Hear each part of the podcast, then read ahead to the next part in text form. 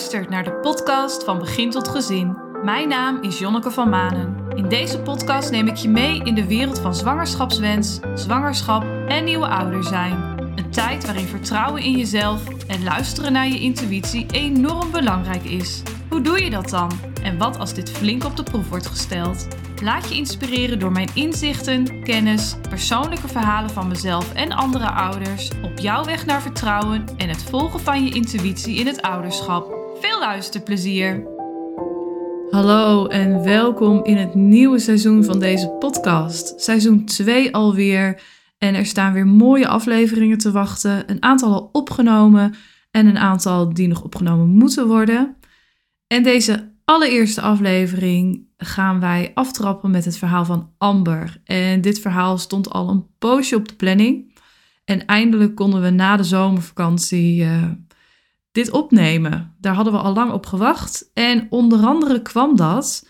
Uh, we hadden deze afspraak al meerdere keren moeten afzeggen.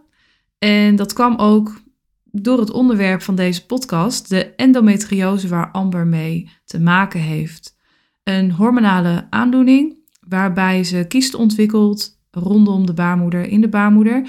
En in het geval van Amber, en dat is niet bij iedereen zo, maar wel bij haar, is dat die kiezen zich ook door het hele lichaam kunnen ontwikkelen. Deze aandoening is dermate belemmerend voor Amber dat zij enorm veel pijn ervaart en veel bloeding ervaart rondom haar menstruatie. En dan heb ik het over de weken voor, tijdens is het op zijn heftigst natuurlijk en ook erna.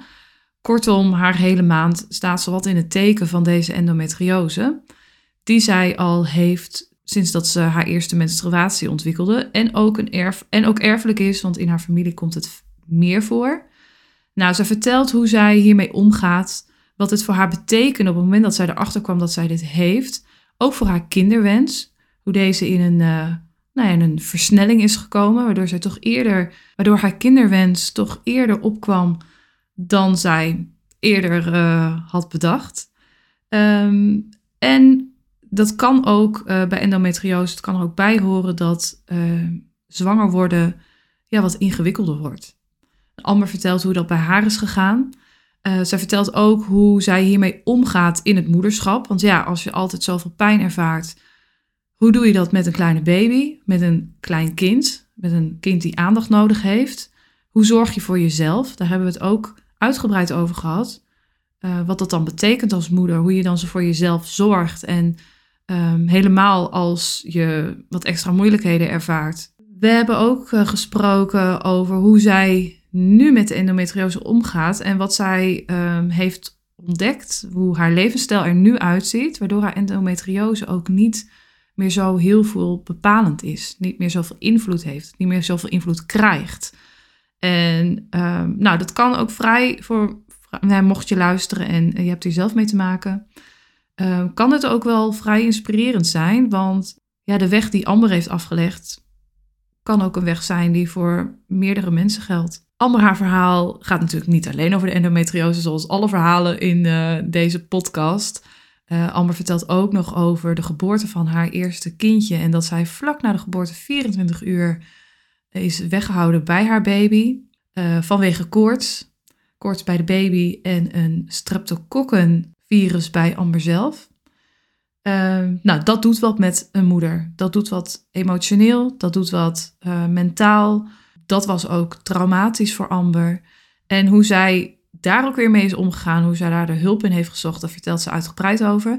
En we hebben het ook over wat voor impact dat op haar kind heeft en hoe zij dat nu ook terugziet bij haar kind. Want dat heeft niet alleen invloed op haar als moeder gehad, maar ook op haar dochter. Een aflevering waarbij we heel veel bespreken en soms gaat het een beetje van, nou ja, dat zei ik na, na de aflevering, een beetje van de hak op de tak. Maar ik wilde eigenlijk alles zoveel mogelijk uitpluizen. Hoe zij emotioneel eronder staat. Um, hoe het precies is verlopen bij haar. Hoe zij er nu in staat, nu haar kinderen wat ouder zijn. En ik denk ook een onderwerp waar veel vrouwen zich in kunnen herkennen. Uh, met name over ja, je menstruatiecyclus, of je nou wel of niet endometriose hebt. Menstruatiecyclus is gewoon heel bepalend voor een vrouw. En hoe ga je daarmee om? Ik wens je heel veel plezier met het luisteren van deze aflevering en ik ben heel benieuwd wat je ervan vindt.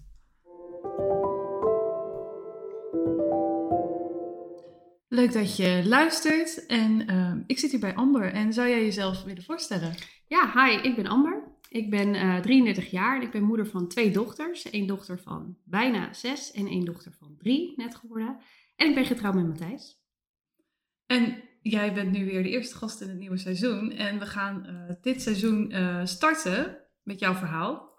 Want jij hebt ende, nou ga ik het toch verkeerd zeggen, endometriose. Endometriose, helemaal Ik heb zitten oefenen en oefenen en nog ga ik het verkeerd zeggen. Maar goed, endometriose, ja. Uh, nou ja, lastig woord. Um, en ik denk ook net zo ingewikkeld uh, verhaal wat erachter zit. Want zou je ja. willen uitleggen wat dat is? Ja, endometriose is een, uh, nou, een hormonale ziekte, baarmoederziekte. En um, ja, wat er eigenlijk gebeurt is dat je uh, baarmoederslijmvlies, daar maak je te veel van aan. En die vormen kiestes in je lichaam. In mijn geval vormen ze, vormt het kiestes in mijn lichaam en ook buiten mijn lichaam. En dit zorgt voor menstruaties die heel erg pijnlijk zijn, met heel veel bloedverlies. En uh, nou, er komen ook andere dingen bij kijken, zoals depressiviteit en uh, warrigheid, slecht geheugen, van alles. En hoe lang heb jij dit al? Ik heb dit al eigenlijk sinds mijn eerste menstruatie. Maar ik weet het pas sinds ik, even denken, volgens mij was ik 23, dat er een kieste bij mij werd ontdekt uh, in mijn navel. Ik ben geboren met een navelbreuk. Daar heb ik eigenlijk een soort van mazzel mee, want de kieste die dus in mijn buik zat, die groeide uh, door mijn navelbreuk naar buiten. Oh. Ja, dus dat uh, zag er niet aantrekkelijk uit en er kwam ook bloed uit mijn navel. En de huisarts dacht in de eerste instantie dat het een moedervlek was, een bloedende moedervlek. Maar het viel mij op dat die alleen bloedde als ik menstrueerde. Dus ja, toch maar even uh, naar de. Uh, even kijken, ik werd toen naar de dermatoloog gestuurd. Die stuurde me weer naar um, de plastisch chirurg, want bij een navel iets weghalen kan nogal gevaarlijk zijn. En toen dat was weggehaald, bleek dat dus een kieste te zijn veroorzaakt door endometriose. En eigenlijk had ik dus mazzel, want als ik er vele jaren later pas achter was gekomen, dan was het nogal lastig voor mij geweest om kinderen te krijgen. En nu was ik er vroeg bij. Had jij daarvoor nooit klachten gehad? Zeker. Mijn ongesteldheid was vreselijk. Heel veel bloed, heel veel pijn. Ik moest elke keer een week thuis blijven van school. Maar het is normaal in mijn familie. Endometriose is erfelijk. Okay. En het werd bij ons gezien als normaal. Dus ja, er werd verder niet van, van opgekeken van, oh, Amber heeft zoveel pijn en zoveel bloed, dat hoort niet. Dat, dat was gewoon normaal. Dus ik heb dat als van, uh, nou, sinds mijn twaalfde. Dus uh, ja, nooit geweten dat daar een ziekte aan vasthing. Nee, en die andere familieleden hadden ook niet endometriose eraan gekoppeld? Of wisten zij dat dan wel? Nou ja, uh, ik denk dat ik ongeveer vijf jaar geleden erachter kwam dat mijn oma wel wist dat het endometrio okay. endometriose was. Maar toen zij dat hoorde, was er zo weinig over bekend dat zij dat gewoon heeft losgelaten. En daarna kwam ze natuurlijk in de overgang. Dus ja, dan maakt het ook allemaal niet meer uit, want dan heb je het gewoon niet meer. Dus um, ja, er werd gewoon niet over gesproken als een ziekte. Het was gewoon iets wat normaal was in onze familie. Ja. ja. En dan nam je je rust en dan moest het maar weer voorbij gaan. Ja, alleen werd het bij mij steeds erger. En uh, ja, dat was uh, toch wel. Uh, ja, dat, dat klopte gewoon niet. Want Nee. het had invloed op heel mijn leven. Ja, En daarom ben ik zo blij dat die kieste eruit kwam. Dat we, dat we toen wisten waardoor het kwam en dat er iets aan gedaan kon worden Ja. toen de tijd. Ja, want je was 23, zei je? ja ongeveer. Ongeveer? Ja. dus nog eh, heel jong en Heel nog niet bezig met, Met het kinderen. krijgen van kinderen. Nee, helemaal niet. Nee. nee. Maar dat kwam wel meteen aan het licht eh, toen, ze verder gingen kijken. Ja. Van, nou, als dat zo even doorzet, dan heb jij nog wel een groot probleem. Ja, klopt. Er werd eigenlijk letterlijk gezegd, want het, ik, eh, er was een verpleegster die er heel weinig van af wist, die mij ging vertellen dat ik endometriose had. En die zei tegen mij van, ja, ik weet eigenlijk niet precies wat het inhoudt, maar ik weet wel dat het heel moeilijk voor je gaat worden om kinderen te krijgen. Nou, zit je daar in je eentje, want in principe ging ik nog steeds voor een moedervlek, weet je wel. Dus ik had nooit verwacht dat dit de uitslag zou zijn. En dan zit je daar in je eentje en ik heb ook huilend in de bus naar huis gezeten van, oh jee, ik kan gewoon waarschijnlijk geen kinderen krijgen. En ik was toen al met mijn man, Matthijs, toen nog mijn vriend. En die wilde heel graag kinderen, wist ik. En ik moest hem nu gewoon vertellen dat de kans gewoon heel erg klein zou zijn. Dus, ehm, maar ik was helemaal alleen. Hij, had, eh, hij was op zijn werk en mijn moeder was weg. En eh, toen heb ik mijn zus gebeld, weet ik nog, voor steun. Die heeft het gas aan laten staan eh, toen, weet ik nog. Want die was helemaal in paniek. kwam die naar me toe.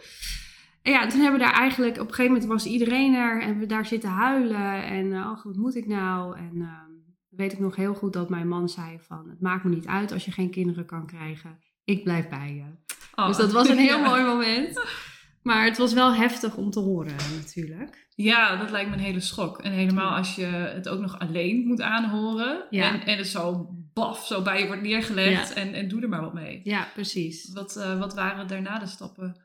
Nou ja, ik, eh, het bleef maar in mijn hoofd zitten. Dus we zijn naar de huisarts gegaan. En ik heb ten eerste gezegd dat ik de manier van vertellen eh, toch wel een beetje, nou ja, niet zo leuk vond. Dus de huisarts heeft toen ten eerste een klacht ingediend bij het ziekenhuis. Dat we dat voortaan op een andere manier moeten doen.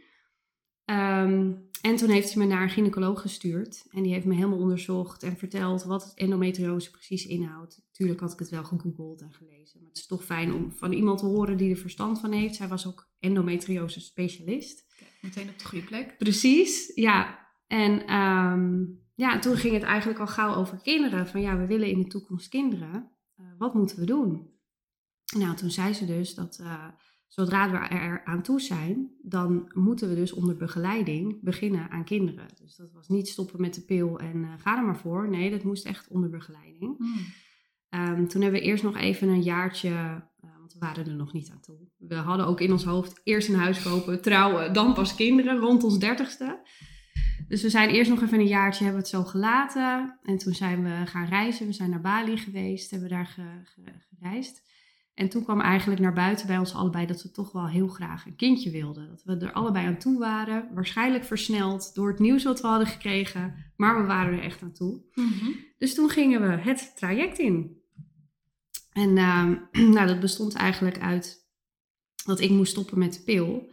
En dat ik drie maanden de kans kreeg om op natuurlijke wijze een eh, kindje te verwekken. En als dat niet zou lukken, dan zou het eh, meteen doorgaan naar IVF. Dus ook geen IUI of andere, wat daarvoor altijd komt. Mhm. Meteen IVF. Eh, Matthijs werd toen ook getest om te kijken of hij wel, of zijn zaad wel geschikt was om kinderen te, te verwekken. Want als bleek dat, dat dat niet het geval was, dan zouden we het niet eens hoeven proberen. Dat zou Nee. mij heel veel pijn en ellende bezorgen. En dat ja, is gewoon zonde natuurlijk. Ja. Dus nou, toen stopten we. En eh, nou, de eerste menstruatie weet ik nog wel. Toen slikte ik nog hormonen. En nou ja, toen gestopt. Was vreselijk pijnlijk. Was echt vreselijk. Maar eh, na twee maanden was ik al zwanger. Dus Dus Ik- in die eerste drie Ja. maanden dat jullie kregen, want ik, ik vroeg me af, hoe was dat voor jou? Want je hebt drie maanden Ja. en dan, dan het gebeuren, want anders gaat er een Ja. heel... eh, Ja, ja, en ik heb toen al gezegd, want mijn eh, tante heeft ook IVF geprobeerd. En door alle hormonen die ze ingespoten kreeg, werd ze gewoon heel erg depressief. hmm.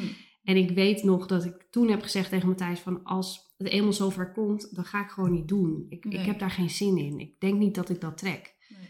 Dus het moest echt binnen drie, die drie maanden gebeuren. Ja, niet kosten wat kost vanwege je eigen gezondheid. Ja, nee, precies. Dus, ehm, maar ja, na binnen twee maanden was het zover. We waren blijkbaar gezond genoeg en de weg was Ja. vrij. En eh, ja. Toen was ik zwanger in Ja. één keer. Nou, niet in één keer, maar zo, zo voelde het wel, zeg Ja, maar. nou, nou, het is wel heel, redelijk snel Ja, natuurlijk. precies. Ja. En, en hoe was dat voor jou? Wetende ook dat je natuurlijk eh, de endometriose, is dat dan ook meteen als je zwanger bent? eh, ja, heb je er dan minder last van? Ja, ja, dat is echt heerlijk. Je wordt niet meer ongesteld, dus Nee. je hebt niet meer die pijn. De kiestes worden steeds kleiner, want je hebt een andere hormoonhuishouding. Oké. Dus die verdwijnen, of tenminste bij mij waren ze eh, aan het einde van de zwangerschap waren ze allemaal verdwenen. Ja, als vanzelf. Ja, en daarna natuurlijk, als je bent bevallen, ben je ook heel lang niet aan het menstrueren. Dus dat waren heerlijke, pijnloze eh, maanden waren dat.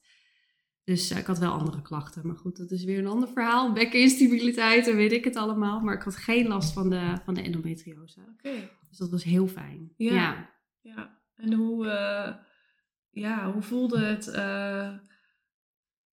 toen, je, toen je erachter kwam dat je zwanger was? Hoe voelde dat?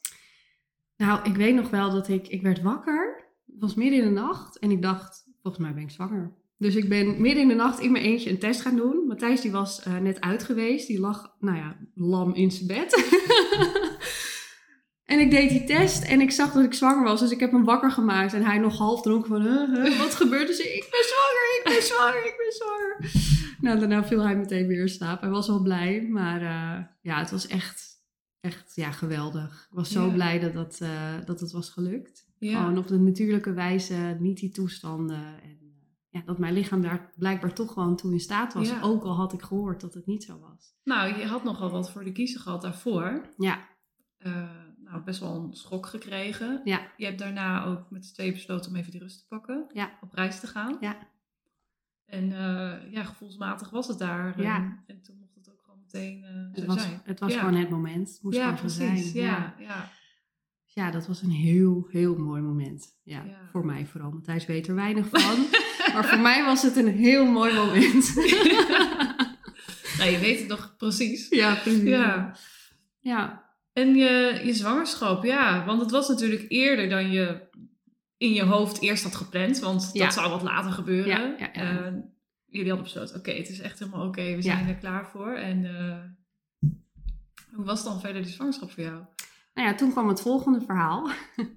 Want ehm, mijn zwangerschap was op zich aan het begin prima. En ik kreeg wel bekkeninstabiliteit. En dat was vervelend, maar goed. Maar toen werd ik getest op eh, groep B streptokokken. En eh, ja, dat was zo. Ik had actieve streptokokken in mijn lichaam. En het is voor mij niet zo heel erg gevaarlijk. Nee. Voor volwassenen. Maar voor een pasgeboren baby kan dat dodelijk zijn. Oké. Ehm, ik kon geen antibiotica slikken voor mezelf, want ik ben allergisch voor antibiotica, de standaard antibiotica. En de antibiotica geschikt voor als je zwanger bent, die, eh, of nee, sorry, de antibiotica waar ik niet allergisch voor ben, die was weer niet geschikt voor eh, als je zwanger bent. Dus ik heb, nou, ik weet niet eens meer wat voor ontstekingen ik allemaal had. Volgens mij blaasontsteking, keelontsteking, van alles. Het kwam Mm. allemaal door die streptokokken. Ehm, moest ik tijdens mijn zwangerschap dus ook gewoon allemaal, eh, allemaal meemaken. Maar ja, dat was het ergste niet. Het ergste was van, eh, mijn dochtertje kon besmet worden als pasgeboren baby. En daar zou ze aan kunnen overlijden. Dus ik moest uiteraard in het ziekenhuis bevallen. eh, aan een infuus met antibiotica. En eh, na de bevalling zou ze dan direct getest worden of ze symptomen had. En als dat dan het geval zou zijn, dan zou zij ook meteen aan de antibiotica moeten. Ja, ja. Ehm, nou ja, en toen ging ik bevallen en dat ging allemaal heel voorspoedig. Ik had voor een ruggenprik gekozen, dus ik werd eigenlijk wakker gemaakt toen de weeën begonnen. toen de persweeën begonnen en toen, nou ja, het ging allemaal heel soepel. En ehm, ik had mijn dochtertje net een half uur in mijn armen. Nou ja, en toen werd ze getest. En toen zei de arts, eh, ze heeft koorts. We moeten haar bij je weghalen voor 24 uur. Dat was wel even slikken. En dan ben je net bevallen. Ben je net bevallen, heb je net je kindje gekregen die je meer dan negen maanden bij je had gedragen. Ja. En eh, die wordt gewoon weggehaald. Ja. En je mag gewoon 24 uur er niet bij. En het was een vreselijk moment. Ik weet het nog zo goed. Meteen paniek natuurlijk. Eh, er werd een bedje gehaald waar ze in werd gelegd. Ze werd weggereden naar de couveuse afdeling. Eh, mijn man ging er achteraan. De, iedereen ging er achteraan. En ik lag helemaal alleen in een hele grote kamer waar ik net was bevallen. Echt helemaal alleen. En ik dacht, wat gebeurt hier? Ja. Oh, dat vond, ik krijg er weer kippenvel van als ik eraan denk. Want het was vreselijk. Ik voelde Ja. me zo eenzaam. En ja, daarna, ehm, mijn familie kwam natuurlijk wel langs. Mijn moeder, die sprak ik vanochtend nog. Die zei nog, ja, ik weet nog dat ik die kamer binnenkwam. En jij lag daar helemaal in je eentje in die grote kamer. En ik, was gewoon chockerend, was dat gewoon Voor om te haar als zien. moeder, om jou Ja, te zien. Ja. Ja. het was echt net bevallen. Het was Ja. echt niet normaal. Er was ook geen verpleegkundige. Iedereen die- was weg. Iedereen was weg. Ik Ja. had al geplast. Dus ik was al goed. Hè? Ik had de stempel van goedgekeurd op mijn Ja, voorhoofd, ja. van. En iedereen was weg. Het was van, het was beneden allemaal weer. eh, ja, goed. Ja. Dus nou, doe eens, zoek het uit. Zo was het een beetje, Ja, weet je ja, wel. Ze voelde dat. Ja. Nou, Matthijs die wilde, die zat in tweestrijd, die wilde bij mij blijven. Maar die wilde natuurlijk ook heel graag eh, achter Jinte, onze dochter, aan. Dus ik zei, ga alsjeblieft achter haar aan, want ik wil, Ja. ze heeft mij al niet. Ik wil ook niet dat ze zonder de vader is. Precies. Ja. En eh, ja, toen begonnen die vier, ellendige 24 Ja. uur zonder kind. Ehm, dat ik mijn borstvoeding moest afkolven en dat een, dat een verpleegster het gaf of Matthijs. En, ik- en ik kreeg af en toe een foto van Matthijs en filmpjes met hoe ze eruit zag. Want ik kon ook niet door het raampje kijken, niks. Nee, nee, Ik heb gewoon de eerste 24 uur mijn kind niet meegemaakt. nee. Was je erop voorbereid vooraf voor de Nee. bevalling dat dat een scenario zou kunnen zijn? Daar hebben ze niks over gezegd. Ze Nee. hebben gezegd van als blijkt dat ze symptomen heeft, krijgt ze antibiotica. Ja. Ze hebben nooit gezegd ze moet bij je weg. Nee. Misschien ook mijn eigen schuld dat ik er te weinig onderzoek naar heb gedaan. Maar ik was voor het eerst zwanger. En ik geloofde alles wat er tegen me werd gezegd. Ik vertrouwde Ja. op iedereen. Oké, zo, dit gaat er gebeuren. Als blijkt dat ze besmet is, komt helemaal goed. Hè? Dat Ja. was het belangrijkste. Er werd gezegd, het komt helemaal goed. Ze komt niet te overlijden. Oké. Maar ja, niet erbij gezegd dat ze dan bij me weg werd gehaald. nee. En wat was daar de reden voor? Ehm, dat ik haar zou kunnen besmetten, Mm. alsnog erger, Ja. zeg maar. En ehm, ja, achteraf, ik ben voor mijn tweede dochter in een ander ziekenhuis bevallen. En daar werkte het dus op een andere manier. Zeiden ze, we zouden je kind nooit bij je weghalen. Dus dat als ik in een ander ziekenhuis was bevallen, had dit nooit gebeurd. Maar Nee. goed, het, het is nou eenmaal gebeurd. En ehm, nou ja, en dat was gewoon vreselijk. Ja. En, ja, en dat, dat speelde heel erg lang door. Want ja, die, die eerste 24 uur. Hè, je, zij, Jinte, die heeft zo lang bij me naar binnen gezeten in mijn buik. En nu was ze weg bij de moeder. En daarna bleek ook dat ze, ze hield niet van knuffelen. Ze, hè, als je haar nog steeds, als je haar echt stevig wil knuffelen, dan, dan duwt ze je gewoon weg. En ik denk nog steeds dat het komt doordat ze gewoon werd weggehaald. En gewoon Ja. in haar eentje in dat couveuse bedje heeft Ja. gelegen. Ja. Al Ja. die onrust om haar heen die ze ook wel gevoeld heeft. Ja, nou Ja. ja, ook, ja, dat ook nog eens. Want dat infuus met ehm, de antibiotica, dit werd in haar handje Mm. gedaan, ging niet goed. Mm. Dus dat hele handje, ja, je kan het niet zien natuurlijk, maar dat hele handje werd dubbel gevouwen. En dat infuus werd erin gepropt. Het ging allemaal zo hardhandig. En ik heb, ze heeft, nou, ze heeft zo hard gekrijsd. Echt, Ja. mijn hart brak gewoon. Niet Ja, normaal. Ja. Want dat was nog op het moment dat je nog wel bij haar was. Nee, dat, dat, was, dat was op een afstandje. Ik kon het horen. ja. En ik heb dat Oh. toen, eh, ja, Je kon het horen. Ik kon het horen. Dus ja, nou, dat was vreselijk. Dus dat kind heeft al zoveel meegemaakt in de eerste uren van, van haar leven. En ik denk nog steeds dat ze daarom een beetje, eh, nou ja, best wel erg problemen had met hechting aan het begin. Wordt Ja. nu wel steeds beter hoor. Ze, ze geeft nu spontaan knuffels en kusjes. Dat deed ze eerst helemaal niet. Dus daar ben ik heel blij mee dat het nu zo is. Komt ook een beetje omdat ik er gewoon een beetje dwing om te knuffelen, weet je wel. ik wil nog steeds goed maken dat ik er Ja, niet bij me had. Zo ja. voelt het een beetje.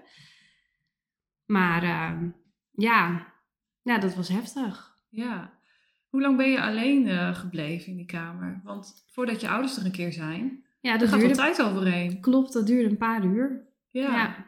En al die eh, tijd eh, was ik alleen. niemand die even aan jou vroeg, hoe gaat het? Nee, helemaal niet. Nee, Nee. de eerste die binnenkwam was, was echt mijn moeder, Was je en mijn zus en En- vader geloof ik ook, ja. En hoe was het dat zij binnenkwamen op dat moment? Ik, nou, ik, ik was een zombie. Ja. Ik, eh, het was net alsof al mijn emoties waren verdwenen. Ik was zo lam geslagen doordat er was gebeurd. Dat ze binnenkwamen, was ook wat ik zei van... Ja, maar ze is niet hier hoor. Ze is verderop. Je kan beter daar naartoe. En dat Oh. mijn moeder zei van... Ja, maar we willen jou ook zien. Weet je? Ja. Dat ik echt dacht van, maar waarom? Waarom wil je mij zien? Hè? Ga naar mijn kind. Je moet naar mijn kind toe. Ja. Dus ja, dat was heel, eh, heel vreemd. Ik was echt een zombie. Ik weet alles nog, maar ik weet ook nog dat dat leek alsof al mijn emoties waren uitgeschakeld. ja, dat was meteen Ja, knip in de vingers. Nou ja, op Ja. het moment dat zij wegreed, eh, dat ze met haar wegreden, was het gewoon... meteen Ja. klaar. Ja. En hoe lang heeft dat geduurd voordat jij weer tot jezelf kwam? Ehm, nou ja, op een gegeven moment mocht ik uit die, ja, ik weet niet, ja, bevallingskamer noem je dat. Mocht ik eh, op de kraamafdeling. Kreeg ik een eigen kamer. En toen eh, ging ik me focussen op kolven. En Hmm. dat heeft me, want ik heb er een week gelegen. Ik moest daar ook een week blijven. Oké. Ehm, dat heeft me denk ik echt er doorheen getrokken dat ik een taak had. Dus Ja. ik, ik, voor het slapen gaan dronk ik twee glazen water, zodat ik een paar uur daarna vanzelf wakker zou worden, zodat ik kon kolven. En dat was echt, ik, dat was echt mijn hoofdtaak. Het allerbelangrijkste wat er was. Zoveel mogelijk kolven, zodat mijn Ja. kindje in Mhm. ieder geval dat kreeg, weet je wel. Ehm, dus ik denk dat dat me er echt doorheen heeft getrokken. En eh, ja, en, ja, dat weet ik eigenlijk wel zeker. En op een gegeven moment waren wel die 24 uur voorbij. En toen mocht ik eindelijk naar haar toe. Ja, dat was heel emotioneel. Ik heb echt staan janken daar op die couveuse afdeling. En ik heb wel uren daar gezeten met haar. Ja. Hè, haar gevoed, ze heeft bij me geslapen. Ik wilde niet meer weg.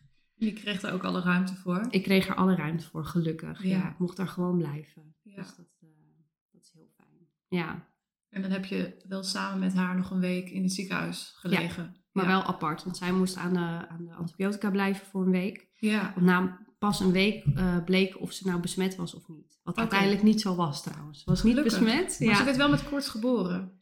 ja, ze werd met koorts geboren, waarschijnlijk door de rugprik. Kijk. Ja. ja. Dus dat had helemaal niks met die hele streptokokken Nee. te maken. Nee, maar ja, dat weet je ook niet van Dat weet je op dat moment niet. Nee. Nee, uiteraard niet. Nee. Nee, dus, ehm, maar ja, wel antibiotica gehad, een week. En eh, toen na een week bleek dat ze het niet had, konden we eindelijk naar huis. Met z'n drieën. Ja. Ja. En hoe was dat? Naar huis gaan? Heerlijk. Ja, het was heerlijk. Gewoon, eh, het was ook een beetje spannend natuurlijk, want je bent toch net nieuwe ouders. En uh, moet opeens helemaal zelf voor dat hummeltje zorgen. Maar het was zo fijn om weer thuis te zijn in onze eigen omgeving. Ik kon haar knuffelen wanneer ik wilde. Ze hoefde niet in dat vreselijke couveuse bedje te liggen. Infuusjes zat er niet meer. Dus ja, dat was echt heel fijn. Ja, ja, mooi moment. En hoe, uh, hoe was jij emotioneel? Ja, na de eerste, eerste weken natuurlijk gewoon heel erg aan het zorgen, aan moederen en daarmee bezig. Maar ik heb uh, daarna, en dat heeft twee jaar lang geduurd, heel erg last van gehad van schuldgevoel. Mhm. Ik zag het als mijn schuld. Ik had die streptokokken, ik had die ruggenprik genomen, ik heb haar niet besmet, maar het was wel mijn schuld dat ze werd weggehaald. Zo zag ik het echt. En dat heeft heel lang geduurd, vooral omdat ze het zo moeilijk vond om te knuffelen. En uh, ja, voelde ik me gewoon schuldig, slechte moeder. Ja. En uiteindelijk heb ik toch wel hulp gezocht om dat te verwerken. Want dan kon ik niet in mijn eentje. En uh, dat moest veranderen. Want elke dag met een schuldgevoel rondlopen, nou, dat, dat trek je niet. Dat hou je niet vol. Nee, zeker niet. Is dat iets wat je, waar je zelf achter kan van ik heb hulp nodig? Of is het ook wel iets wat in je omgeving uh, met jou besproken werd door familie of uh, door je man? Nee, ik hield het eigenlijk wel vrijwel voor mezelf. Het is mm. pas dat ik, uh, na, denk ik echt na die twee jaar tegen Matthijs een keer zei dat ik me zo voelde. En toen heeft hij gezegd van nou, misschien moet je even naar iemand toe die je hierbij kan helpen. Ja. ja, dat heb ik toen ook gedaan. Ja. En dat is gelukkig uh, goed gekomen. Want ik heb het nu niet meer, dat schuldgevoel. Nee, nee, dus, ja. nee. Maar je hebt het wel heel lang nog voor, voor, voor je gehouden. Dat, uh, ja. ja. ja, dat was niet de beste keus. maar um, ja, er was ook bij dat schuldgevoel een gevoel van schaamte. Hè? hè? Slechte moeder. en dat, dat hou je dan toch liever voor jezelf. Ja zou ik nu hè, tegen alle jonge moeders die dit, die dit luisteren, hou het niet voor jezelf, want het, je wordt er alleen maar slechter van. Maar toen de tijd dacht ik dat wel en deed ik dat ook. Ja. En dat had ik gewoon niet moeten doen.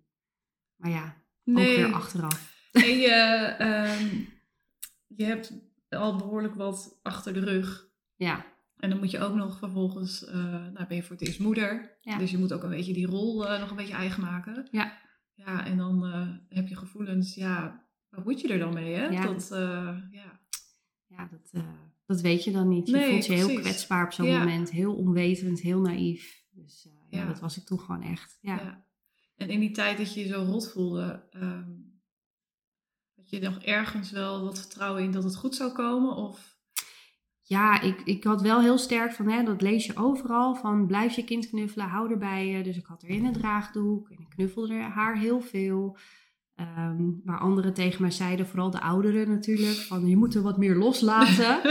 je verwendt haar. Ja, nee, ik hou erbij. Maar, Hartstikke goed, ja. Je instinct. Ja. ja, dan zeggen ze, dan wordt ze verwend. En kan mij dat nou schelen? Ik wil het kind knuffelen. Ze heeft me 24 uur gewist. Laat me haar knuffelen. Ja. Dus ik heb er heel veel bij me gehouden. En uh, nou ja, ze is hartstikke zelfstandig en helemaal niet verwend wat dat betreft. En heel, uh, heel makkelijk in de omgang met anderen. Dus het heeft helemaal niet het effect gehad wat anderen zeiden tegen mij. Nee, nee dat is ook echt de grootste onzin die, je, die je kan aanhoren. Ja, ja, precies. Dus ja, dus dat heb ik gedaan. En ik denk ook wel dat het goed is geweest. Ja. Voor, de, voor, de, ja, voor opnieuw die band krijgen tussen ons. Ja, ja. ja mooi hoe jij dat dan uh, zelf aanvoelde. Ja ondanks je schuldgevoel daarin, ja. Uh, die zal misschien wat aangestuurd hebben, maar... Misschien wel, ja, dat denk ik wel. Ja, maar ja, die, die heeft dan dus ook wat goeds met zich meegebracht. Uh, ja, dat jij echt wel uh, op die manier die band hebt aangehouden. Ja. dat is wel een goed inzicht inderdaad. Die had ik zelf nog niet uh, bedacht. Het bedacht ik me nu ook net. Ja. Dat ik dacht, hey, ja. Nou ja, ik, ja, ik herken die gevoelens hoor. Die schuldgevoelens. En ik denk dat elke moeder ze herkent. Mm -hmm. En uh, ja, zolang ze niet zolang ze niet sturend gaan worden, echt eh, de boventoon gaan voeren, ja. dan, uh, dan zit er nog ergens wel dat, dat instinct, dat, ja. ja dat uh, gaat er dan over. Ja. ja. Ja, ja. Maar je hebt wel uh, je hebt hulp gezocht en gevonden. Ja, en ik ben van mijn schuldgevoel afgekomen. En zij zei toen ook van, blijf gewoon lekker knuffelen. Want dat is wat ze nodig heeft. Ook al duwt ze je weg. Tuurlijk, als ze echt wegduwt, dan laat ik haar los. Zo ben ik nou ook weer niet, dat ik dat kind dwing. Maar eh, toon haar wel affectie. Ja. Ja. Aai over de bol, kus op haar hoofd, eh, af en toe een knuffel, knuffeltje. Dat heeft ze Ja, gewoon nodig. ja. En dat doe ik nog steeds. Precies, dat ze weet dat ze het mag ontvangen. Precies. Ja, Ja, ja. ja. En je zei, eh, dat laat ze nu ook wel meer toe, nu Ja. ze wat ouder wordt. Nou, vanochtend kreeg ik toevallig spontaan een kusje. En dat is nou in mijn herinnering nog nooit gebeurd. Dus ik was helemaal, Oh, helemaal in shock, helemaal blij. Ja. En dan net op deze dag dat we Ja. dit verhaal, eh, ja, precies, ja. ja. verhaal gaan, eh, gaan delen. En ehm, eh, je... Ik, ik zit even te zoeken naar mijn vraag, want ik had een goede vraag.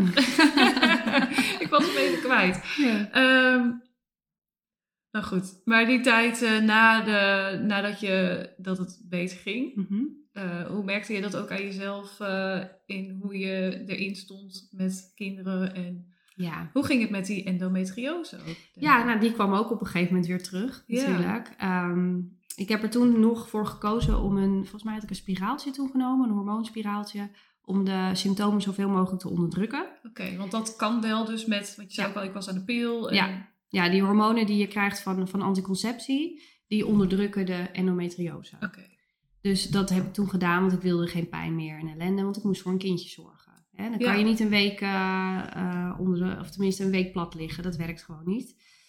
Ehm, alleen had ik heel erg last, en dat had ik ook al toen ik de pil slikte, last van bijwerkingen. En dan vooral de somberheid. Ik was heel depressief, heel erg depressief. En dat kwam door die hormonen.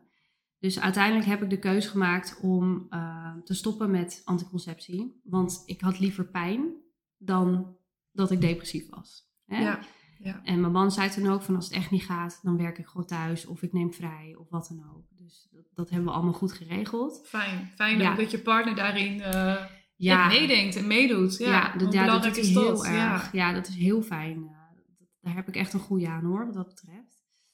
En ja, dat, dat, wa- dat was zwaar, hè, zonder hormonen. Ehm, die pijn is gewoon heel erg vreselijk. En ja, dat, ik kan, je kan niet eens zitten, zo erg is het. Maar het was, alles was beter dan depressief zijn. Ja, Ja, ja. ja dat eh, snap ik heel goed. ja, Ja, als je moet kiezen dat- tussen twee kwaden, dan maar de minste van de twee. Ja, lichamelijke pijn is, is voor mij dan veel minder erg. Gewoon. Ja, dat, ja. ja. Precies. Ja, ja want eh, hoe, hoe was dat dan als moeder? Je hebt natuurlijk die eerste twee jaar had je het schuldgevoel ook wat heel erg eh, erbij kwam. En Mhm. dan ook nog dat depressieve gevoel Ja, erbij ja. van, eh, Ja, van de pittig. bijwerkingen. Ja. Dat was heel pittig, heel zwaar. Ik heb ook, ehm, ja, dat was gewoon echt heel zwaar. En daar heb ik dan ook weer hulp voor gekregen om eh, daarmee om te gaan. Maar uiteindelijk bleek gewoon stoppen met hormonen. En ehm, ja, ik, ik heb hulp gekregen van, van Karen van Tripti. Zij is Ayurvedisch coach. Zij heeft me geleerd om Ayurvedisch eh, te leven. Hmm. En sinds ik dat doe, is de pijn aanzienlijk minder. Bloed ik veel minder. En kan ik in principe gewoon, is het van een week ellende naar twee dagen ellende. En dat is echt een heel groot verschil. Enorm. Enorm ja. verschil. En allemaal natuurlijk, door een andere manier van eten en van leven. En daardoor is het gewoon veel minder geworden. Ja.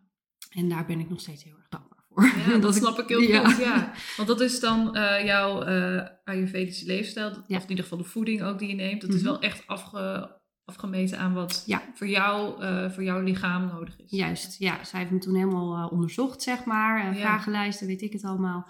En zij heeft me toen advies gegeven. En eigenlijk al de eerste maand dat ik aan de slag ging met haar advies, had ik mijn eerste maand zonder pijn. Hè, sinds mijn twaalfde. Meteen al, ja, meteen de eerste, eerste Ja. maand al. Ja. Ja. En het is niet over, ook omdat ik gewoon af en toe van een lekker suikerrijk koekje hou. Mhm. Dus ah, ja, ik heb nog wel pijn, maar het is zoveel minder geworden. En eh, ja, ik, ik slik geen hormonen meer daarvoor. Dus dat is heel fijn. ja. Ja. Oh, jeetje. Ja. Dat, eh, ja. ja, mooi is dat. Toen je dan eh, ehm, op zoek bent gegaan naar die hulp, Mhm. ook dan met ja, de juiste hulp daarin hebt gekregen. Ja, En je daarin ook, nou ja, eigenlijk door je leefstijl een beetje te veranderen daarin. ja, Ehm, ja, daar gewoon meer levensvreugde uit haalt. absoluut. Ja. Ja. ik kan weer dingen doen met mijn kinderen. Dus Ja. dat is echt, ik kon echt helemaal niks. Kijk, je bent een, een week lang heb je pijn en ellende, maar de rest van de maand gaat het ook door. Tijdens je ijsprong heb je ook pijn. Ja, En die weken ertussen heb je gewoon heel weinig energie, want het vreet energie, die kiestes. ja, Dat gaat gewoon alle energie naartoe eigenlijk. Dus ik kon haast niks met mijn kinderen. Een stukje wandelen was voor mij niet te doen. Ik kon gewoon echt niet. Spelen op de grond, kon niet, dat gaat, ging gewoon niet. Nee. ging gewoon echt niet. Maar nu kan ik alles. En daar, ja, nou, je wil niet weten, ik kan het niet. Ik ben er zo dankbaar voor. Dat is als je zo lang al zo weinig energie hebt en zoveel pijn, is het zo fijn en nog steeds onwerkelijk dat het nu gewoon niet meer is. Ja. Ja. Ja. ja, ik zie het aan je. Ja. Jullie, kunnen het niet zien, of jij kan Nee. het niet zien, maar ik, eh, het straalt wel van je af. eh, Ja. hoe, eh, ik kan me heel, helemaal voorstellen hoe fijn dat is, inderdaad. Wat je zegt vanaf je twaalfde, dat Ja. je die pijn hebt. Ja. Het zal ook zeker niet altijd makkelijk zijn geweest om een andere leefstijl erop na te houden, of in ieder geval het aan, aan te passen. Op zich, ja, ik snap wat je bedoelt, want ik heb ook wel eens een, eh, een dieet gevolgd en dat hield ik niet vol, bijvoorbeeld. Niet een Nee. dieet, maar een andere manier van gezonder eten. Maar dit, had, ehm, dit zou zo'n groot gevolg hebben als dit zou werken, als dit, Ja. dit mijn leven zou transformeren. Ik voelde ook heel erg dat het, dat het ging lukken hiermee. Dus dat was niet moeilijk voor mij. Meteen, Nee. ik, hè, ik at nog vlees toen, meteen hup, gestopt met vlees eten. Alles aan de kant geschoven en er vol voor gegaan. En je hebt natuurlijk ook na een maand had jij al resultaat. Daarom, dus dan hou je het ook wel vol. Ja, Ja, precies. Ja. Ja. ja, en als er tegenover staat dat jij eh, gewoon een veel gezondere moeder bent. Ja. En meer actiever en gezelligere moeder. Ja, absoluut een gezelligere moeder. Ja, dan, dan is het geen moeite. Nee, Nee, klopt. Het staat voor jou wel tegenover. Ja. Ja. ja. En ehm, ik wist ineens mijn vraag weer. Oh, Want eh, jij had, je had het over dat je met je dochter, eh, dat ze vandaag spontaan een kusje aan Ja, je gaf. En omdat wij nu ook, ja, niet heel toevallig, ook vandaag het verhaal gaan delen. Heb je dit verhaal ook wel eens met haar gedeeld? Ehm, ik heb het wel eens aan haar verteld. Dat ze de eerste twee dagen, noemde ik het dan bij haar, bij me werd weggehaald. En eh, ja, ze reageerde een beetje, oh, oh, maar waar was ik dan? Weet je, ze ging een beetje vragen stellen waar ze naartoe ging. Wat vond je daar dan van, mama? Ja, ik werd er heel verdrietig van. Wat vond ik daarvan? Ja, weet ik niet, want je was nog zo klein. Oh, maar vind je, en weet je, weet je het nog? Vroeg ik aan haar. Heb je er last van, denk je? Nee hoor, nee, ik vind je wel lief. Weet je wel, zo'n, dat soort opmerkingen krijg je dan. Maar ik heb niet, eh, niet echt nog een gesprek met haar over gevoerd. Ik weet wel dat, dat dat werd toen tegen me gezegd door een NLP-coach, volgens, volgens mij. Dat als blijkt dat ze op latere leeftijd hechtingsproblemen heeft, Ja. dat dat dan daardoor zou kunnen komen. Dus dan zouden we het gesprek met haar moeten, moeten aangaan. Dus dat Ja. zit wel in mijn achterhoofd. Mhm. Als ik merk dat het, dat het weer teruggaat, hè, dat, het weer, dat ze weer een beetje eh, afstand neemt van iedereen, dan ga ik wel het gesprek met haar aan, ja. denk ik. Ja. Ja, Nou, je bent er bewust van dat het wel invloed kan hebben. ja inderdaad. En invloed heeft. Ja. Het kan ook in andere manieren natuurlijk doorwerken. Ja, Ik heb in een andere aflevering, eh, ik weet even niet meer welke aflevering het was, eh, waarin de moeder ook aangaf dat haar zoon op haar vijftiende, of op zijn vijftiende, eh, via de psycholoog ook aan een preverbaal trauma hebben gewerkt. Dus Oh, oké. aan een trauma voordat Ja. er taal was. Ja, Ja, ja, dus echt in die, eh, in die vroege tijd, eh, vroege babytijd. Ja, bizar hè, hoe dat dan door kan werken. Nog zo Zeker lang. weten, ja. Ja. ja. Dus dat hou ik gewoon in de gaten. Ja, nou mooi, mooi. Ja, fijn. Nou, maar dat bewustzijn is gewoon heel belangrijk. Dat je ook weet dat kinderen daar echt ook wel wat van meekrijgen. Ja, inderdaad. Ja. Ja. Het zijn geen, eh, nou, het zijn geen zombies zoals jij je misschien voelde Nee, toen de tijd. Dat was zij dus echt niet. En Nee. dat, eh, ja, en zo weggerukt worden. En die pijn in het, Ja. in het handje en, en in haar hele lijfje. Ja, dat Ja. moet effect hebben gehad. Ja, dat zag je wel. Ja. Ja. Ja. En jullie hebben nog een mooie dochter. Ja. Jula. Ja. ja, Jula is net drie geworden. En ehm, nou, hetzelfde verhaal, hè, eh, dat we haar, eh, ehm, dat we een tweede kindje wilden, moesten we weer onder begeleiding, weer hè, binnen drie maanden, anders zou het IVF worden. Ja. Eerste keer was raak. Gelukkig, het is je alweer bespaard gebleven. Ja, eerste keer was Ja. raak. En eh, ja, na die zwangerschap had ik geen actieve streptokokken. Dus dat hele, die ellende die ik had tijdens Jinte, die was er niet met Jula. Nee. Eigenlijk ging dat allemaal goed. Ja, bekkeninstabiliteit had ik wel tijdens mijn, tijdens mijn zwangerschap. De bevalling was bizar snel. Ik had een weeënstorm. Maar ja, dat, dat ging gewoon allemaal Ja. natuurlijk. En eh, in een fijn ziekenhuis met fijne hulp. En ze mocht bij me blijven. En we mochten na een paar uur weer naar huis. Dus dat was hartstikke, hartstikke anders. ervaring, Ja, ja. Had jij, eh, voordat je zwanger werd van haar, had je toen al wel die verwerking gedaan van je schuldgevoel? Ja. En, Ja, dat was toen al wel eh, gelukt inderdaad. Ja, ja. ja. Die nam je niet mee. Die nam ik niet mee. zwangerschap in, nee. Nee, maar ik was wel opgelucht dat ik geen actieve streptokokken had Nee, eh, nee. tijdens mijn zwangerschap. Dat Ja. dat niet meer allemaal hoefde. Nee, want dat is iets wat je gewoon bij, met je meedraagt dan? Ja, ja, Ja. Dat, dat kan je al eigenlijk van, van kle- kleins af aan al met je meedragen. Ehm, en dat is soms actief en soms inactief. ja, Dus ehm, ja. je merkt het vaak aan als je keelontsteking hebt, oorontsteking, dan is het waarschijnlijk actief, Ja, denk ik dan op zo'n moment. Ja, Op zo'n moment. Maar eh, ja, toen, toen niet. Dus Nee. dat is heel fijn. ja, Ja. nou zeker weten, ja. Ja. Dus dat ging eh, gewoon Ja. lekker soepeltjes. ja, nou zo voelde het niet. Maar het ging een stuk soepeler dan met je int inderdaad. Ja. Ja. Ja, nee, oh, zeker. Een eh, snelle bevalling kan, Oh. ook heel, eh, kan ook heel Ja. Heftig zijn. Het was heel ja, heftig. Ja. Ja. Ja, Wel in het ziekenhuis. Wel in het ziekenhuis, ja. Ja. ja. want ik ben, niet, ik ben natuurlijk niet gezond. Dus ik Nee. moest gewoon onder begeleiding. Ja, eh, dat wilde je ook zelf graag. Ja hoor, ja. Ja, helemaal naar Jint. Ik dacht, nou, als er weer wat gebeurt, dan is het wel fijn om, eh, om hulp in de buurt te hebben natuurlijk. Ehm, ik denk dat als ik nu, hè, nu, nu zie je dat heel veel thuisbevallen wordt, wordt heel erg eh, gepromoot, wil ik het niet noemen, maar er wordt meer over gesproken. Nu denk ik, ja, ik denk dat ik dat ook wel mooi had gevonden als mijn lichaam het toe had gelaten. Ja. Maar toen de tijd was ik blij dat het in het ziekenhuis was. ja. Ja. Heb je dan eh, weinig vertrouwen in je eigen lichaam? Ja, ja, nou ja, weet je, endometriose is één van mijn vele aandoeningen en ziektes die ik heb. Dus eh, het is niet de enige. Ik heb niet zo heel veel last meer van dingen, maar ik ben al van kleins af aan eh, met van alles bezig. Eh, ziektes, rare dingen die andere mensen nooit hebben, kreeg ik, weet je wel. Dus, nou ja, en je vraagt, heb je weinig vertrouwen? Dat had ik wel, maar ik heb nu steeds meer vertrouwen. Ik ben Hmm. nu heel erg aan het sporten ook en ik merk dat ik sterker word. En dat ik meer, ehm, ja, dus vertrouwen krijg in mijn lichaam. Dat, dat is wel een fijn gevoel. Maar dat had ik toen de tijd inderdaad niet. Nee. Nee, nee. Dat, is je niet, eh, dat heb je niet kunnen opbouwen vanaf Nee. jongs af aan. nee, zeker niet. En dat werd alleen maar erger naarmate je ouder werd. Ja, want er kwam steeds meer bij. Ja, precies. Ja, Ja. ja. En eh, had jij ook al je, je voeding, je leefstijl al wat aangepast voordat je de tweede keer zwanger werd? Of was dat ook... Nee, dat eh, was daarna. Ja. Ja, dat was daarna. ja. Ja.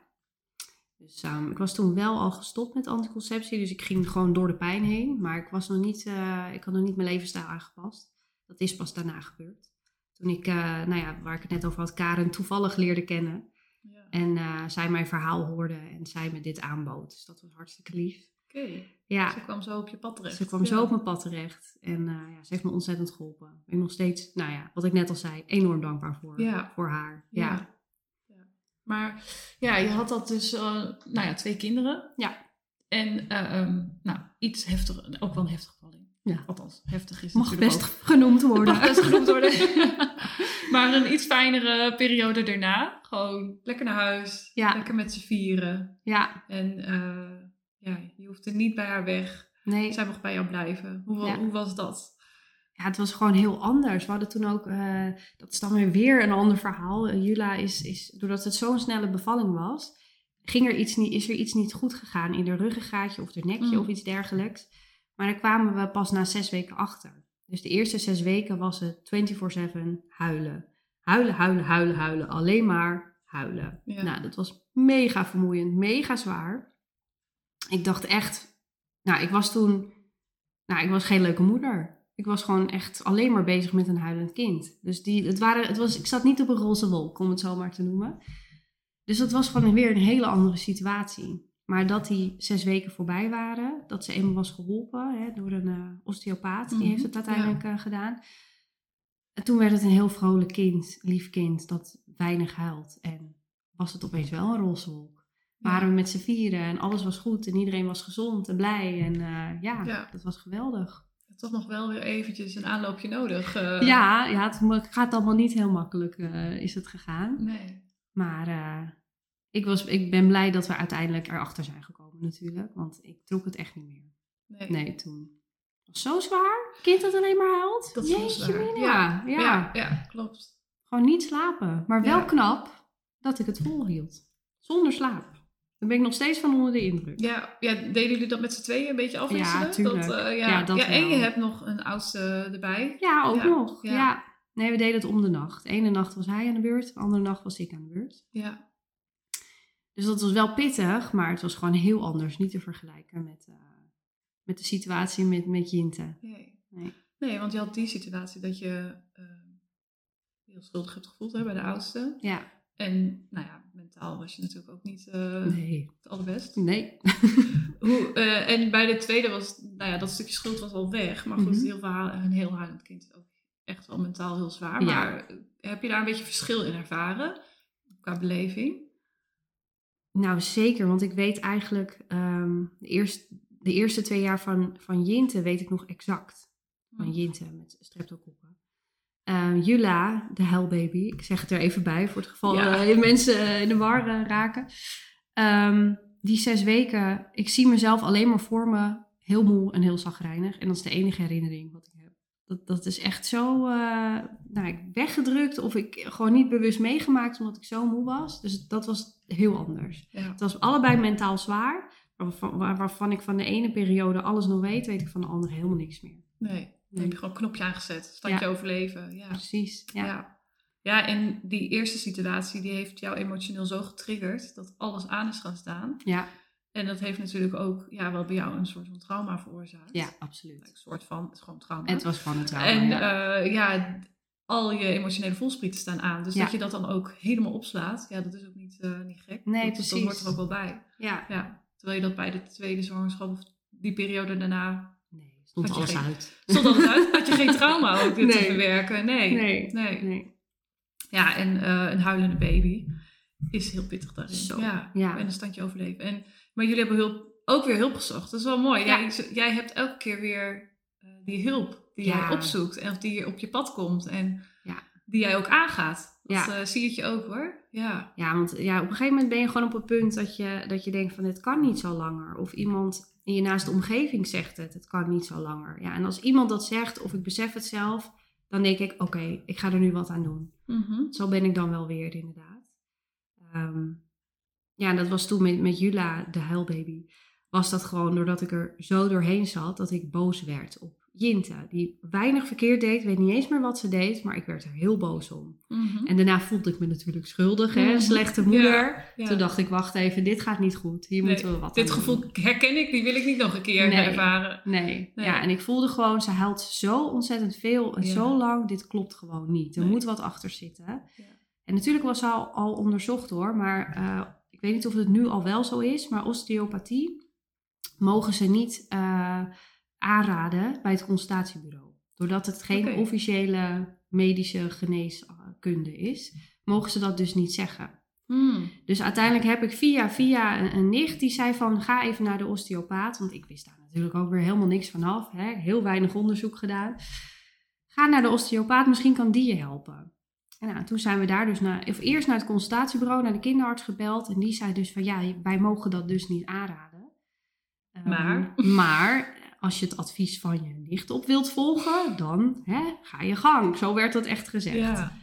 Dus dat hebben we toen gedaan. Ja, en die heeft één keer, nou, legde ze- zijn handen naast haar hoofdje. Hij deed niet eens wat. Hij legde alleen zijn handen naast haar hoofdje. Ze was aan het huilen en opeens stopte ze met huilen. En daarna nooit meer gehuild. Ik vind het nog steeds te bizar voor woorden. Ja. Hij raakte er niet eens aan. Nee, nee, nee. Ja, Ja, te- terwijl naar de osteopaat, met de baby naar de osteopaat, of nou ja, als volwassene, maar ja. ja. ja, ik, voor mij, naar mijn idee is het gewoon heel normaal. Dat, nou eh, hier dus blijkbaar niet. Nee.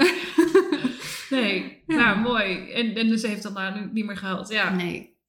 Nee, dat was, was echt, tevreden. eh, Ja. ja. Ja. en het is echt, die baby's die gaan natuurlijk door dat geboortekanaal. eh, en ja, het is altijd wel goed, al doe je maar preventief, even Ja. een check. Zit het wel goed met dat lijfje? Ja, het is niet niks wat, waar ze doorheen moeten. En Nee. zij ging echt naar vlog. Het ging zo snel. Dat, dat ging gewoon niet, niet goed, blijkbaar. Nee. En hoe was dat voor jou? Want jij had al bekinstabiliteit. Ja. Ja, ik heb nog nooit zoveel pijn eh, gehad in mijn leven. Nee, Aan de ene kant, de zwangerschap die gaf je minder pijn omdat je Ja, endometriose niet zo opspeelde. Maar aan de andere kant kreeg je daar. Ja. ja, ze zeggen dat je de pijn vergeet als je helemaal je kind ziet. Nou, ik niet Nee. hoor. Jeetje mina. Nee, het was, ik heb geschreeuwd daar. En Oh. ehm, ik kan het niet, ik kan het niet. Weet ik nog dat ik zei. En eh, allemaal vrouwen om me heen. Ja, je kan het wel, weet je wel. Het was te laat voor, voor eh, enige, enige vorm van pijnstilling. Dus het moest allemaal gewoon eh, gebeuren. Maar ja, vreselijk was het. Ik heb geen mooie herinneringen aan mijn bevalling, zoals anderen dat soms zeggen. Maar ja, het is gelukt. Ja. Daar gaat het om. Ben je daarna zelf ook nog voor je eigen bekken Ja. wel nog, heb je nog behandeld? Ja, fysiotherapie heb ik eh, Ja. na Jint en de eerste en na Jula heb ik ook fysiotherapie gehad voor bekinstabiliteit. Ehm, en nu doe ik heel. Ik, heb, ik had het nog steeds. Ik kon nog steeds. eh, ik kan nog kleine stappen zetten. Want als ik de grote stappen zette, dan, dan deed het weer pijn. Of als ik te lang wandelen, wandelde, deed het weer pijn. Maar sinds ik yoga doe, veel Mhm. yoga, bijna dagelijks, heb ik nergens meer last van. Oké, Dus dat is wel heel erg fijn. ja. Want ja. daardoor kan ik ook weer veel meer doen met de Ja. kinderen. Je ook daarin weer wat sterker. Ja, precies. Ja. Ja. Oh jeetje, ook wel eh, echt een eh, eh, discipline dan ook. Elke Ja. dag. En ja, je doet het ergens voor je, voor je eigen gezondheid, voor je eigen lijf. Precies. Ja, want ik ben helemaal niet sportief en ik lette ook nooit op mijn eten. Ik was helemaal niet zo. Maar ja, als, als op een gegeven moment je lichaam zo niet meewerkt, als je zoveel pijn hebt, ja, dan doe je dat gewoon. Dan maakt het allemaal niets meer uit. Nee. En nu vind ik het ook leuk en fijn om te doen. Dus dat, ja, alleen maar goed natuurlijk. Ja, zeker. Absoluut. Ja. Nou ja, dat is ook ehm, na de geboorte van je kinderen, dan mag je ook daarna die zelfzorg ook wel heel erg hoog in het Ja. vaandel houden. Het is natuurlijk om preventief je kinderen even nou, door een osteopaat, laten we dat zeggen, te laten checken. Ja. Of dat lijfje goed zit. Ja. Maar voor jezelf net zo goed natuurlijk. Ja. Ja. Ja, je bekken die hebben ook Ja. wat verduren gehad. En er wordt eigenlijk best wel weinig aandacht aan besteed. Het is meer je kindje, hè, die moet goed verzorgd worden. Maar wij moeders, pas, nou ja, zeg je dat? Net bevallen moeders Ja. mogen ook wel wat meer zorg eh, krijgen wat dat betreft. Ja, En dan vooral vanuit onszelf. Dat is denk ik meer een mindset dingetje. ja dat Ja. is het zeker. Ja. Ja. Ja. Daar mag je echt zelf ook de aandacht voor geven. Want het is ook niet ehm, gezond om na een paar jaar na de geboorte van je kinderen nog eh, Nee, eh, onderrugklachten te hebben. nee helemaal niet. Nee. Of, nou ja, je voelt je nog steeds heel moe. Ja. Dat hoeft ook niet. Nee. Nee. Nee, inderdaad. Ja. Ja. Dus wat dat betreft, eh, ja, daar doe ik mijn best voor om me goed te voelen. Ik vind dat gewoon belangrijk. En als je je ook eenmaal goed voelt, dan wil je ook niet meer terug naar hoe het eerst was. Dus dan Nee. hou je dat ook wel vol. Dan krijg je die discipline vanzelf. In jouw geval snap ik dat ook heel goed. Ja, Want het lijkt me geen pretje om en heel veel pijn te ervaren en ook je moeder te zijn en je Mhm. kinderen, eh, ja, met je kinderen mee te groeien. ja.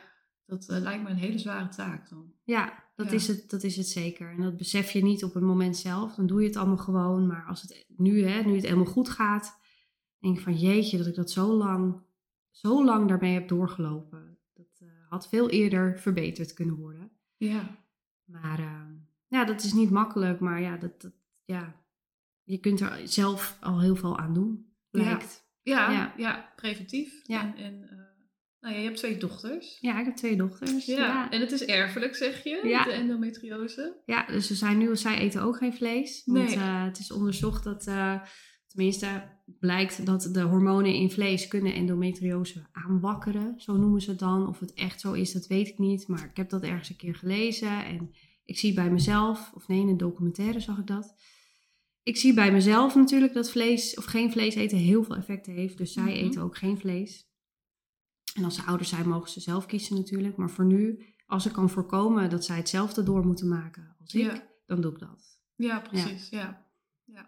Zijn er ook andere dingen die je daar al in meeneemt eh, voor hen? Uh, ja, ik ben er heel open over. Ehm, zodat als het eenmaal gebeurt, dat ze ook met mij over durven te praten. Zodat ik ook weet dat ze pijn hebben tegen die tijd, dat ze veel bloeden of wat dan ook. En dat we dan ook wat daaraan kunnen doen. Ja. Dus ik ben daar nu al eh, heel open over. En Ja. verder ja, kun je eigenlijk weinig doen. Het is nog maar de vraag of ze het krijgen en Ja. of het net zo erg is eh, als dat ik eh, had eigenlijk. Ja, precies. Ja. Ja. daar kun je nog niks van zeggen. Nee. Nee, nee, want ja, het, je, het is, het zit bij jou in de familie, maar heeft jouw moeder het ook? Ja, mijn moeder, mijn zus en mijn oma en mijn tante aan mijn vaders kant had het ook. Oh. Dus waarschijnlijk had mijn oma aan die kant had het ook, Ja. maar dat weet Oh, ik niet. kijk. Ja. Ja. ja. dus het komt echt van alle kanten. Van beide, van beide families. Heel eh, fijn. ja. Ja. En, en is het ook, ja, je zei dat al in het begin, dat was gewoon, in onze familie was het gewoon normaal, Ja. dat je waar gewoon eh, te lijden hebt onder Ja. eh, de menstruatieklachten. ja. En dat is niet iets wat jij je dochters mee gaat geven. Nee, ik, ga echt wel, ik wil echt dat ze weten dat het niet normaal is. Ik weet nog wel dat ik een keer, zal het in het, ik weet het niet, in zo'n blad, in de Breakout of de Tina of zo, las ik dat het, dat het normaal was om een koffiekopje per week aan menstruatiebloed te verliezen. Ja. Nou, ik had echt een koffiekopje per uur, weet ik nog wel, dat ik dan dacht van, hoe kan dat nou? Dat, dat, dat kan gewoon nooit. En ik las dat, maar ik liet het weer los. Ja. Ik denk, nou ja, het zal wel, misschien gemiddeld, weet je wel. ja.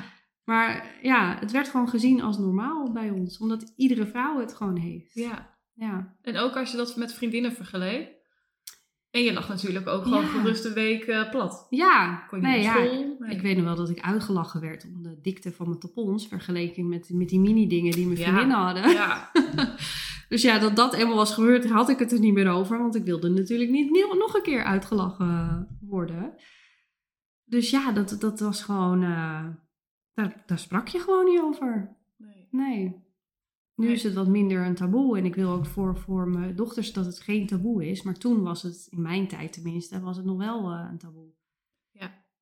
Waar, wij, waar ik opgroeide. Dus Ja. ja, Ja. Ik denk wel een beetje de gemiddelde generatiegenoten. Ja, waar inderdaad. dat zo bij was. Ja. ja, ja. ja. En ehm, ja, het is gewoon ook mooi dat we daar, dat jij hebt nu al dat werk verzet om je dochters dat dan weer mee te geven. Ja. Is dat ook iets wat jou, jouw zus nu ook een beetje oppakt dan? Nou, mijn zus die heeft een zoontje. Dus die zal er weinig Ja. last van hebben. Maar voor haarzelf ook? eh, Ehm, ja, maar, maar mijn zus heeft het op een andere manier. Mm. Die, eh, ik heb eh, endometriose externa, heet dat dan. Dus bij mij groeit de, de kiestus ook buiten mijn lichaam, buiten mijn baarmoeder, eigenlijk door al mijn organen. Het kan Mm. zelfs uit mijn neus komen en alles. Ja, maar het echt een heel sexy ziekte is het. En eh, is nog niet gebeurd hoor trouwens. Gelukkig maar. Ja. Mijn, mijn, mijn zus heeft een iets mildere versie. Dus die, eh, die, die met kunstmatige hormonen kan zij wel uit de voeten. Ja, Dus dat Ja. is wel heel fijn. ja precies. Ja. Ja. En hoe jouw kiestus, die groeien nu gewoon ook nog steeds? Of is dat iets wat jij eh, zo nu en dan even checkt? Een ja. scan gaat of iets? Ja. Ja, nee, als ik inderdaad veel pijn heb, dan check ik het. Ehm, soms voel ik ze ook. Ik, eh, ik heb er bijvoorbeeld eentje op mijn rechter eierstok zitten. Dat kan Oh ik gewoon voelen. Ehm, maar sinds ik mijn levensstijl heb veranderd, voel ik het veel minder. Dus ik heb, ik weet het niet, want ik heb het nog niet laten checken. Maar het zou zomaar kunnen dat het wat kleiner wordt allemaal. ja. Of dat het soms helemaal niet, ni- niks meer bij komt. Dat idee Nee. heb ik zelf een beetje. Ja, ja. Oké. Dus, ja. Ja, heb je het ook niet nodig om, te, om Nee. onder een scan te gaan? Nee, dat hoeft ook niet. Ik, Nee. voel, ik voel minder pijn, ik voel Ja. minder, eh, ik ben niet meer zo moe. Dus ik weet dat het gewoon goed gaat daarbinnen. Maar hoe het eruit ziet, dat weet ik niet. Nee, precies. Maar. Dat, ja, je bent nu toch al zo met je lijf en in je lijf bezig. Ja, Dan is het ook niet meer nodig. nee. Je zei zei het zelf al, volgens mij zijn ze gewoon kleiner. Ja, dat denk ik echt. Ja, ja, ja. ja.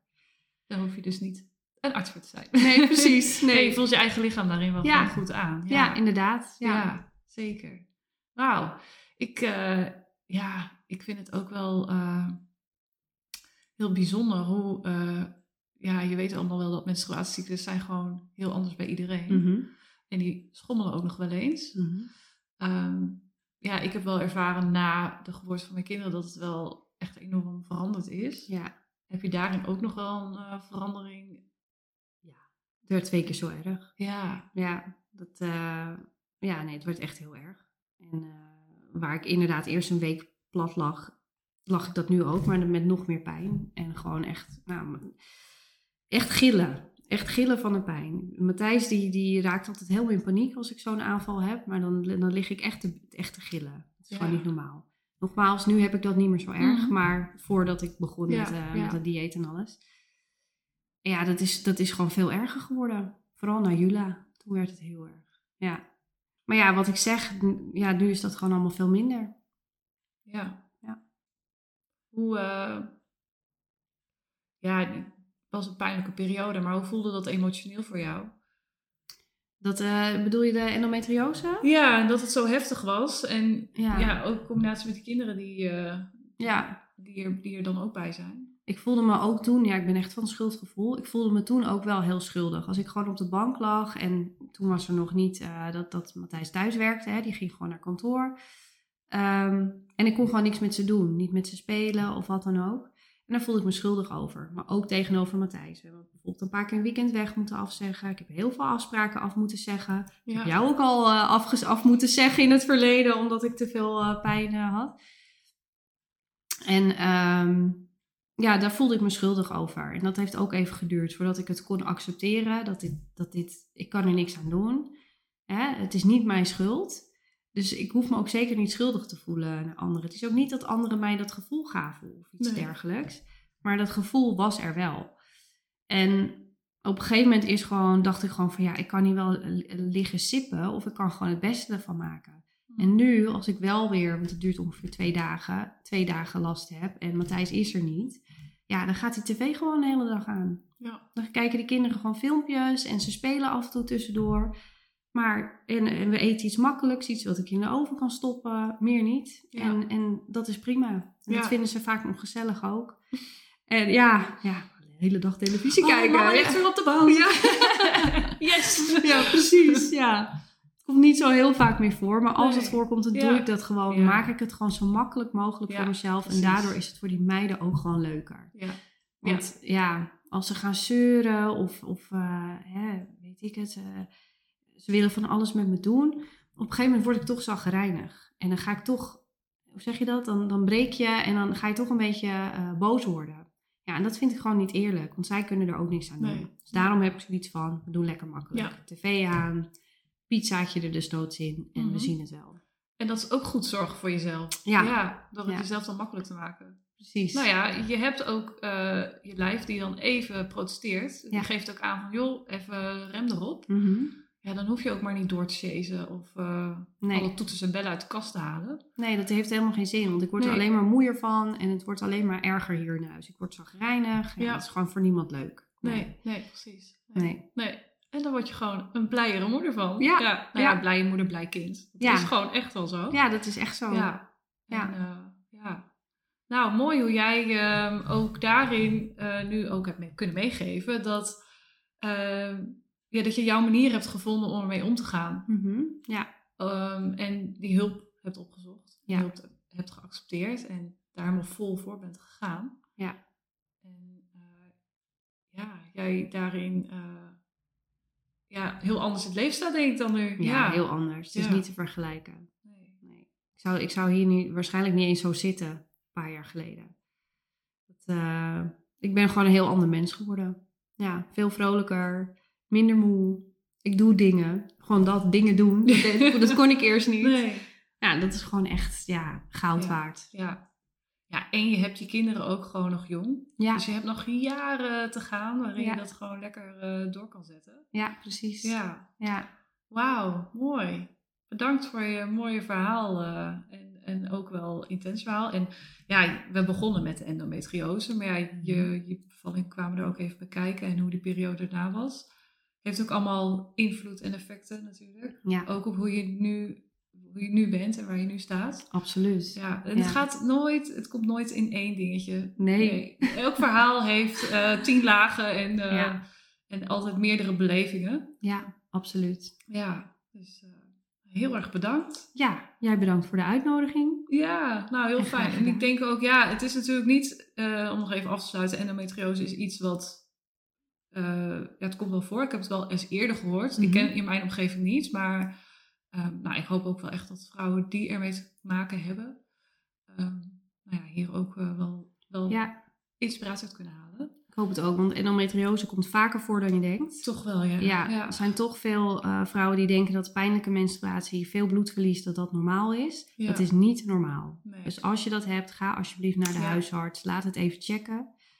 Want ja, ik kan gewoon een hele hoop aangedaan worden. Ja, maar dat blijkt. Dat blijkt. Daar ben je een mooi verhaal van. Ja, ja ik ben een voorbeeld. Ja. Gaan we het zo afsluiten. Ja. Uh, heel erg bedankt voor het luisteren. Als je meer van deze podcast wil horen, ga het gewoon even volgen.